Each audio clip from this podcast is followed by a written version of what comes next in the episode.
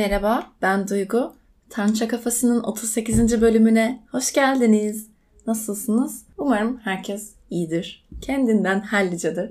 Böyle koşa koşa geldim bir bölüm çekmek için. Aslında anlatacağım o kadar çok şey birikti ki ve böyle 50'şer dakikalık bölümler yapmak istemediğim için ve böyle bazı konular kendini bugün öne attığı için terapim vardı. Terapiden sonra çok önemli bir iki işim vardı. Onları hallettim. Diğer işlerimin arasına böyle koşa koşa eve geldim ve başlıyorum. Dediğim gibi başka konular da var aslında ama bu böyle biraz daha zamansız bir zamana niyet ederek bilmiyorum ne zaman yayınlarım. Belki hemen yayınlarım. Belki araya başka bir şeyler koyarım. Böyle arada stokladığım bölümlerde oluyordu eskiden. Bayağıdır olmuyor ama kim bilir. Bugün terapiye girerken iki haftadır böyle terapistimle kapıda karşılaşıyoruz. Bugün de öyle oldu. Böyle ben park ettim işte tam çıkacaktım arabadan bir baktım o da arabasını park etmiş çıkıyor falan. E, böyle bir duraksadım aslında. Yani hemen çıksam mı çıkmasam mı böyle bir arada kalmıştım. Daha sonra bu konuyu konuştuk. E, bu konuyla ilgili kendi bana soru sordu. Yani e, ne hissettiniz falan diye. Önceki terapistimle ilgili bir karşılaştırma yaptım orada. Onunla da böyle bir iki kere karşılaştığım ya da böyle ben onu ofisinin önünde beklerken yanımdan geçtiği olmuştu. Ee, aslında iki farklı ekol. Biri şema terapi, e, şu anki terapistim psikoterapist ve EMDR terapisti. Ama mesela şeyi gözlemlemek çok rahatça yapabildiğim bir şey oldu. İlk başta bir buçuk sene işte iki sene önce diğer terapime başladığımda böyle o daha fazla sınırları olan böyle hatta ilk başladığımda böyle ya duvar gibi ben nasıl bağ kuracağım falan demiştim. Çok soğuk geliyordu.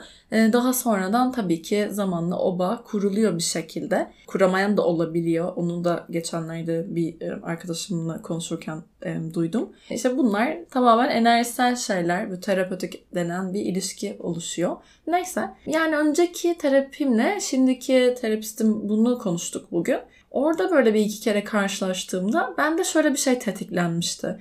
Sonuçta daha e, terapi saatime var ve bazı terapistler mesela terapi saatinden 2 dakika önce falan içeri alıyorlar. E, bunların hepsinin böyle bir sebepleri varmış neyse. E, ben böyle sanki karşımdaki o kişiyi o anda onun sınırlarına giriyormuşum gibi. Onu rahatsız ediyormuşum gibi. O anda yani ne alakası var şimdi daha bu kadar erken geldi ya da işte böyle bir hisse kapılıyorum. Bunun altında yatan şey de bayağı uzun zamandır didikliyorum. Bu başka yerlerde de çıkan bir durum. Bir diğerinin ötekinin e, alanına girme e, korkusu sanırım.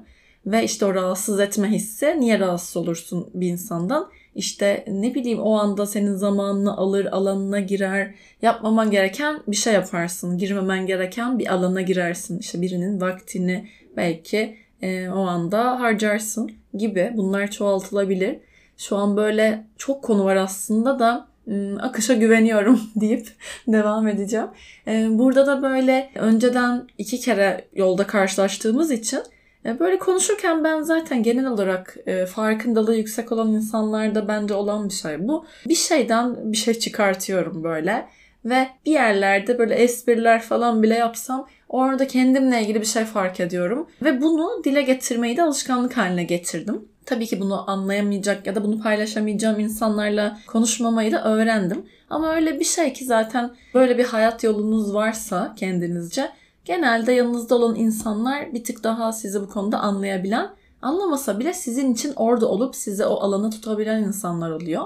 Ee, burada da böyle bir anda bir şey söyledim kendimle ilgili. Şu an gerçekten hatırlamıyorum. Sonra neyse dedim bu şimdi terapiye başlamadık sonuçta seansa girmeden, kadını şeye girmeden ofise kıstırdın sanki bir köşede ve hani rahatsız etme şimdi sonra konuşursun gibi bir his oluştu bende.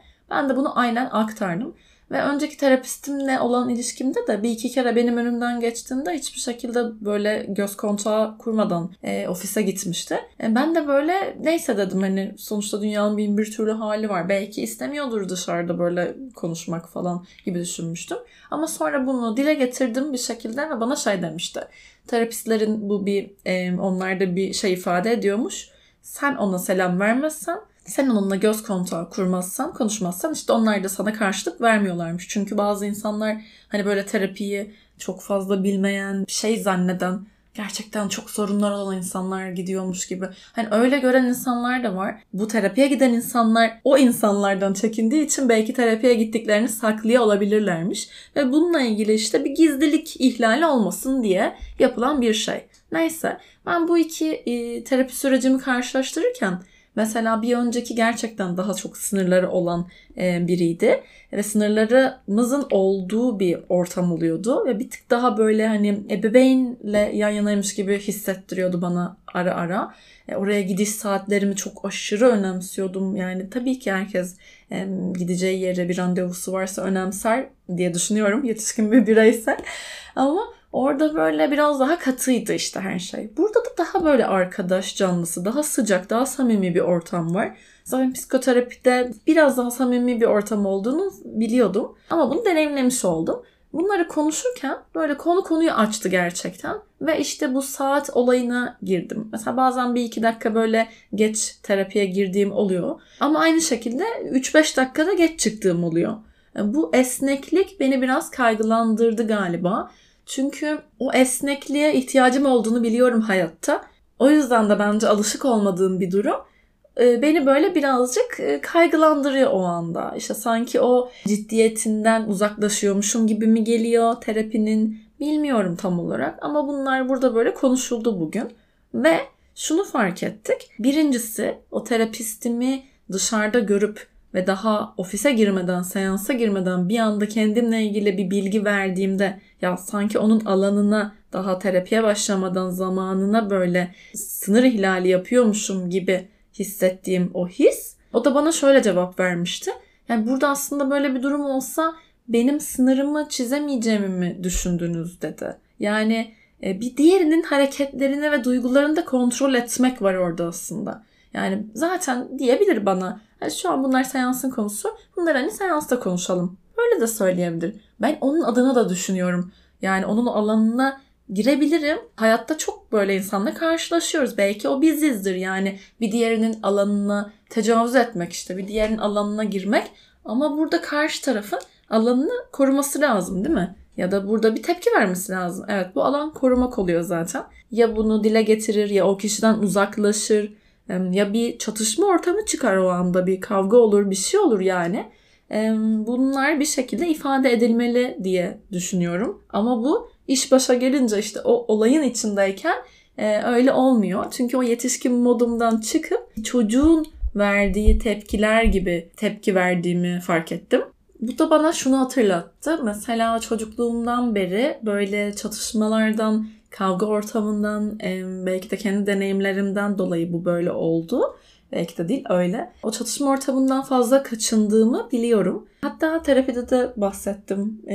Bir gün Mesela babamla bir yerdeyken böyle bir garsonla babamın arasında bir gerginlik çıkmıştı. Babamın da mizaç olarak biraz daha gergin bir karakter olduğundan bahsettim ve orada ne kadar gerildiğimi anlattım. Gerçekten normal bir insan da olsa gerilirdi yalnız cidden garip garip böyle hareketler olmuştu. Ama orada bir şey olacak, kavga çıkacak, farklı bir şey olacak diye yani aslında babamın oradaki o öfkesinden, o öfkeyle karşılaşmaktan korktuğum için bir anda böyle onun terapisti gibi, annesi gibi, yani ebeveyni gibi resmen onu yatıştırmaya çalıştığımı gördüm. Ya tamam babacığım boş ver işte şimdi buna gerek var mı? Ya yarın zaten bir daha göreceğin bir insan mı? E belki sabahtan akşama ayaktadır işte e, ters anlamıştır. O yüzden şöyle yapmıştır. Ama cidden böyle değişik hareketler var. Mesela göremiyor babam o anda böyle hesabı istemişti falan. E, ne kadar tuttu diyor. Normal yani canım ne kadar tuttu falan orada yazıyor falan. Hani böyle yaşı artı 50 olan bir insanın aslında ya da bilmiyorum normal bir insanın orada birazcık böyle gerilebileceği bir durum. Ama konu burada bir diğeri orada öfkeliyken bu hepimizin başına gelmiştir bence. Beni benim gibi olanlar beni anlar burada. Böyle bir ortamda işte o kavga çıkmasın diye ara bulucu biri vardır muhakkak. Boşuna ara buluculuğu sevmiyorum sanırım. Ben orada o kişi oldum. Ama bu benim bütün bedenimi gerginleştiren, böyle beni yoran, gerçekten çok yorucu bir andı. Ki bir olay yok ama bu burada böyle sinir sisteminiz hep ayakta, hep tetikte ve bu çok yorucu bir şey. devamlı bir şey olacakmış hissi. Ve ben bu hissi yıllardır böyle omuzlarımda taşıdığımı fark ettim. Ve bugün bunu böyle dile getirmek bana bir şeyleri böyle açtı sanki içimde. Bazı kapılar açtı. Bunu hissediyorum. Bunlar böyle birbirini tetikledi dediğim gibi. Yani onu dışarıda görmem, rahatsız ediyormuş gibi hissetmem, e, onun bana benim duygularımı aslında kontrol etme ihtiyacınız oluyor orada. Kontrol ihtiyacı benim bir süredir yaşadığım bu araba kullanırken otobanda daha doğrusu şehirler arası yollarda yaşadığım o korkuda nasıl kendimi kaybedeceğim? Hani kontrol bende değilken neye dönüşecek bilmiyorum çünkü. Ee, orada yaşadığım korku bunların hepsi birbiriyle bağlantılı gerçekten. Ve bu sınırlar konusu işte bir insanın sınırını aşma korku o insanın o çatışma ortamında öfkesinden e, belki öfkesiyle karşılaşmaktan kaçma korkum, kaygım. Bunların hepsi farklı dediğim gibi konular dursa da değil. Belki hepimiz böyle düşünebiliriz diye düşündüm.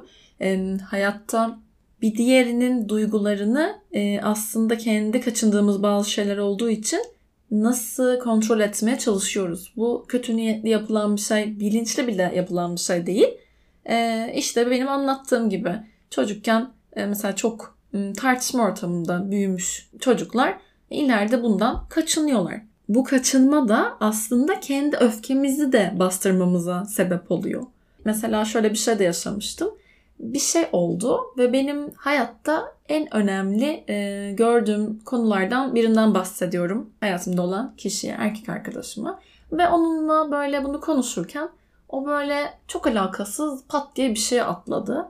Ve ben orada e, aslında çok öfkelendim. O anda bir tepki vermek istedim. Yani verdim de kendimce ama işte tepki vermekte şöyle oluyor. Kimi kaçıyor, kimi içine kaçıyor böyle, kimi sessizleşiyor, kimi sesli sesli tepki veriyor, kimi o tepkinin böyle ucunu kaçırıyor. Çeşitli hepimizin baş etme yöntemleri var hayatta. Ben de böyle görülmediğimi hissettiğim için o anda çünkü çok önemli bir şey anlattığınızda o anda o şeyin hiç görülmediğini hissettirilmesi size güzel bir duygu değil değil mi?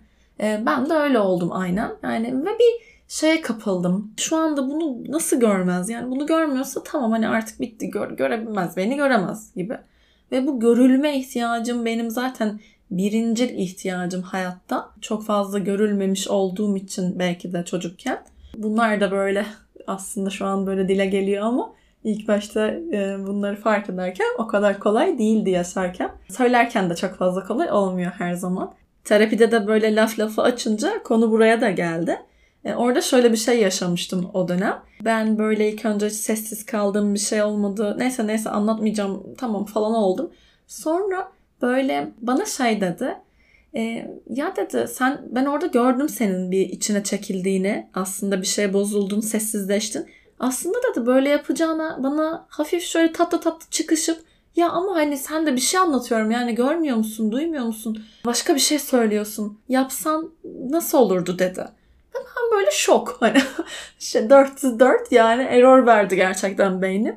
Çünkü e, bu aslında işte sağlıklı çatışma bu demek bir yerde. Bana onu önerdi. Ve hani böyle yapsak nasıl olurdu dedi. Ve benim beni görmeyecek, beni görmedi, nasıl olacak görülmediğim bir ilişkide ben falan böyle kurduğum ben çok kuran bir insan olabiliyorum bazen. İşte fazla düşünmenin zararlarından biri biliyoruz. Ama öyle bir şey oldu ki onu söyleyince zaten onunla da sonra konuştum. Böyle bir ampul yandı yani beynimde. Evet dedim böyle de olabilir. Ama ben niye bunu yapamadım? Buraya gelelim bir de. Ben neden o anda tepki vermedim? Yok dedim ben işte aslında trip atmıyorum da şöyle yapmıyorum da. Niye? Trip atsam ne olacak? Sesimi onun dediği gibi hafif yükseltsem, o tepkimi dile getirsem, öfkelendiğimi söylesem e, yetişkin olarak nasıl olurdu? Bilmiyorum. Bilmiyorum çünkü hiç böyle bir şey yaşamadım. Yani bunu çocukken görmedim.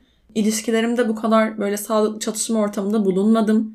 Yakın arkadaşlarımla yeni yeni bu aşamaya geçiyorum. Geçemediklerimle yollarım ayrıldı zaten. Zaten yıllardır böyle bir yalnızlık sürecinden geçtim. Şaşırdım işte, şaşırdım kaldım. Ve yeni bir şey öğrenme aşamasında olduğumu fark ettim. Ve bu beni heyecanlandırdı. Ve bir yandan da böyle duygulandım e, bu konuda. Çünkü gerçekten böyle bir şey de var. Ben orada neden tepkimi göstermedim? Heh, oraya gelmiştim. Çünkü ya tepkimi gösterseydim ben neye alışkınım? kavga, bir anda sesler yükselecek, bir anda o kişiyle olan ilişkin belki bitecek. Yani onun öfkesinden ve belki kaybetme korkusu da vardır altta ama esas birinci burada öfke. Karşımdakinin öfkesiyle karşılaşmaktan korktuğum için bastırdım orada kendi içimdekini. E kendi öfkemi de bastırıyorum. Bu bir yerde patlayacak. Bunu artık biliyoruz yani. Tecrübeyle sabit. Bu da benim için bir farkındalık oldu. Bunu da paylaşmak istedim. Yani burada aslında yine kendi tepkimi göstermeyerek karşımdaki insanın da duygularını hem oradan korkmak, öfkeden kaçmak falan bir de o kişinin de duygularını yönetmek oluyor. Onun yerine de düşünmek oluyor. Ve bu çok yorucu bir şey. Bunu yapan çok insan olduğunu biliyorum. Ee, bunu düşünebiliriz gerçekten. Ben nerelerde kendi duygumu dile getirmekten çekiniyorum. Kendi öfkemi belki de sağlıklı, güzel bir şekilde dile getirmekten çekiniyorum. Bir diğerinin sınırlarına girmekten çok korkuyorum. Mesela benim sınırıma girilince de çok çünkü hiç hoşuma gitmeyen bir durum oluşuyor. E bu ne demek? Bu da aynı şeye geliyor. Şöyle düşünelim, yukarıdan bakalım olaya. Ben birinin sınırına girersem başında bahsettiğim gibi o bana kendi sınırına girildiği için o sınırı çizebilir, tepkisini gösterebilir, duygularını gösterebilir değil mi? O zaman bu ne demek? Ben ondan da korkuyorum. Orada yine ben onu kontrol etmeye çalışıyorum. O kişi çocuk değilse zaten kendi sınırını çizebilir. Kendi duygularını ifade edebilir. Benden rahatsız oluyorsa bunu bana söyleyebilir. Yani böyle aa falanım şu an çok mutluyum kendi içimde. E, o zaman demek ki ben de kendi duygularımı özgürce yine karşımdakine tabii ki saygısızlık yapmadan yani öfkemi göstereceğim, yumruğu geçireceğim değil. İşte sağlıklı çatışma da bu demek oluyor. Burada devreye giriyor. Hatta e, geçenlerde Friends dizisinden böyle işte e, Matthew Perry'nin ölümünden sonra tabii ki bazı sahneler paylaşılıyordu. Ve o sahnelerden birinde e, Chandler ile Monica arasında bir tartışma çıkıyor ve Chandler şey diyor ya bitti değil mi? Her şey bitti artık aramızda diyor. Monica böyle şok. Hani diyor ki neden? O da diyor ki e kavga ettik o yüzden. O da geliyor şey diyor böyle Chandler'ı tutuyor öpüyor falan. Diyor ki biz sadece kavga ettik. Büyük insanların hayatında bu olur. Her şey devam ediyor falan diye öpüşüyorlar, barışıyorlar. Chandler şok ve mutlu tabii. İşte Chandler burada ben gibi yani. Bunları böyle anlatmak istediğim bir bölüm oldu. Yani aslında sınırlarımıza bu kadar önem veriyoruz. Tamam tabii ki de bunu gözeteceğiz.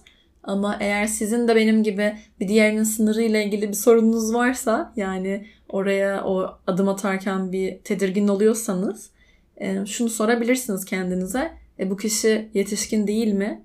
Bu kişi bana zaten gerektiğinde kendi duygularını ifade edemez mi diye. Ve bunun yanında da belki ötekinin duygularını da kontrol etmenin ne kadar yorucu bir şey olduğunu görüp fark ederiz. Ben kendimden sorumluyum. Ben olduğum halimle olabilmeliyim bu hayatta. Öyle davranmam lazım. Devamlı yukarıdan bir kamera bizi böyle izliyormuş gibi olsa bu da biraz fazla mükemmeliyetçilik korkusu, mükemmeliyetçilik kaygısından geliyor sanki. Bu da çocukken çok fazla eleştiriye maruz kalmış böyle azar işiten, belki çok tutarsız anne babayla büyüyen veya tutarsız bakım veren diyeyim. Öyle bir ortamda büyüyen insanlarda olan bir şey. Çok fazla mükemmeliyetçi oluyorlar. Çünkü mükemmel olmalıyım ve bu sayede başka hiç kimseden herhangi bir eleştiriye maruz kalmamalıyım. Hata yapamam diyor. Böyle insanlar da maalesef eğer fark etmezlerse birlikte olduğu ya da işte ilişki içinde olduğu arkadaşı, sevgilisi, eşi, dostu her neyse bu insanlardan da o mükemmeliyetçiliği bekliyor. Onların da mükemmel olmasını bekliyor daha doğrusu. Ama hiç kimse mükemmel değil günün sonunda. Bu da sağlıklı ve tatlı böyle işte güvenli ilişkiler içinde e, öğreniliyormuş efendim. Biz de görüyoruz işte. Sağlıklı çatışma güzel bir şeymiş. Duygularımı ifade edebilmek, öfkemi de güzel bir şekilde ifade edebildiğimde karşımdakinin beni görebilmesi, duyabilmesi, e, görüp duyamıyorsa belki herkesin nasıl bir sevgi kapasitesi var, sevebilme kapasitesi. Hani bu bir kas gibidir deriz ya, zamanla gelişir. Severek ve sevilerek bu kalp kasımız gelişiyor, sevme kapasitemiz.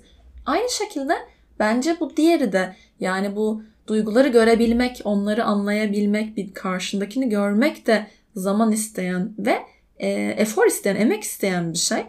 E, şey gibi oldu, güven, özveri, tecrübe gibi.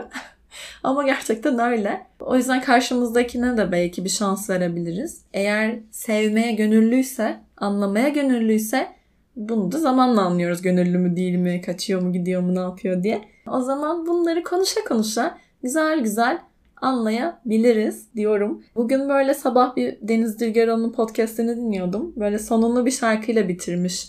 Ee, Büyük Ev Ablukada grubunun e, Arayan Bulur şarkısıydı. Yani o şarkıyı böyle 20 kere falan dinledim sabahtan beri. Ve içinde şey diyordu bir yerde. Ben harbiden ben miyim? Üzerime gelmeyin falan diye devam ediyor. Böyle devamında da şey diyor. E, ikisi bir arada ve bugünkü seansıma da çok oturdu gerçekten. Evrenin böyle tatlış şakaları galiba. Şey diyor.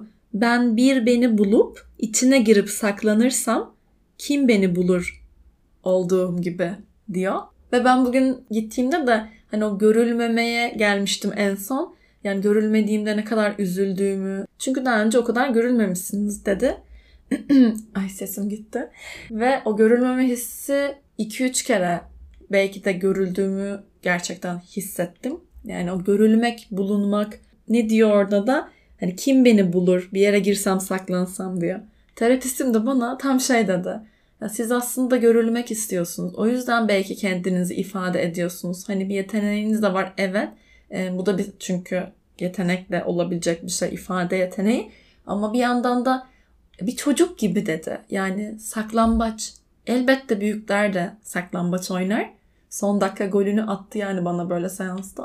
Tabii ki büyükler de saklambaç oynar ama saklambaç bulunma ihtiyacı bir gün Hani bu bir kurtarıcı aramak gibi ama aynı şey değil. Aslında bir çocuğun belki de çocukken çok fazla görülmemiş bir çocuğun bir çocukluk fantazisi bu.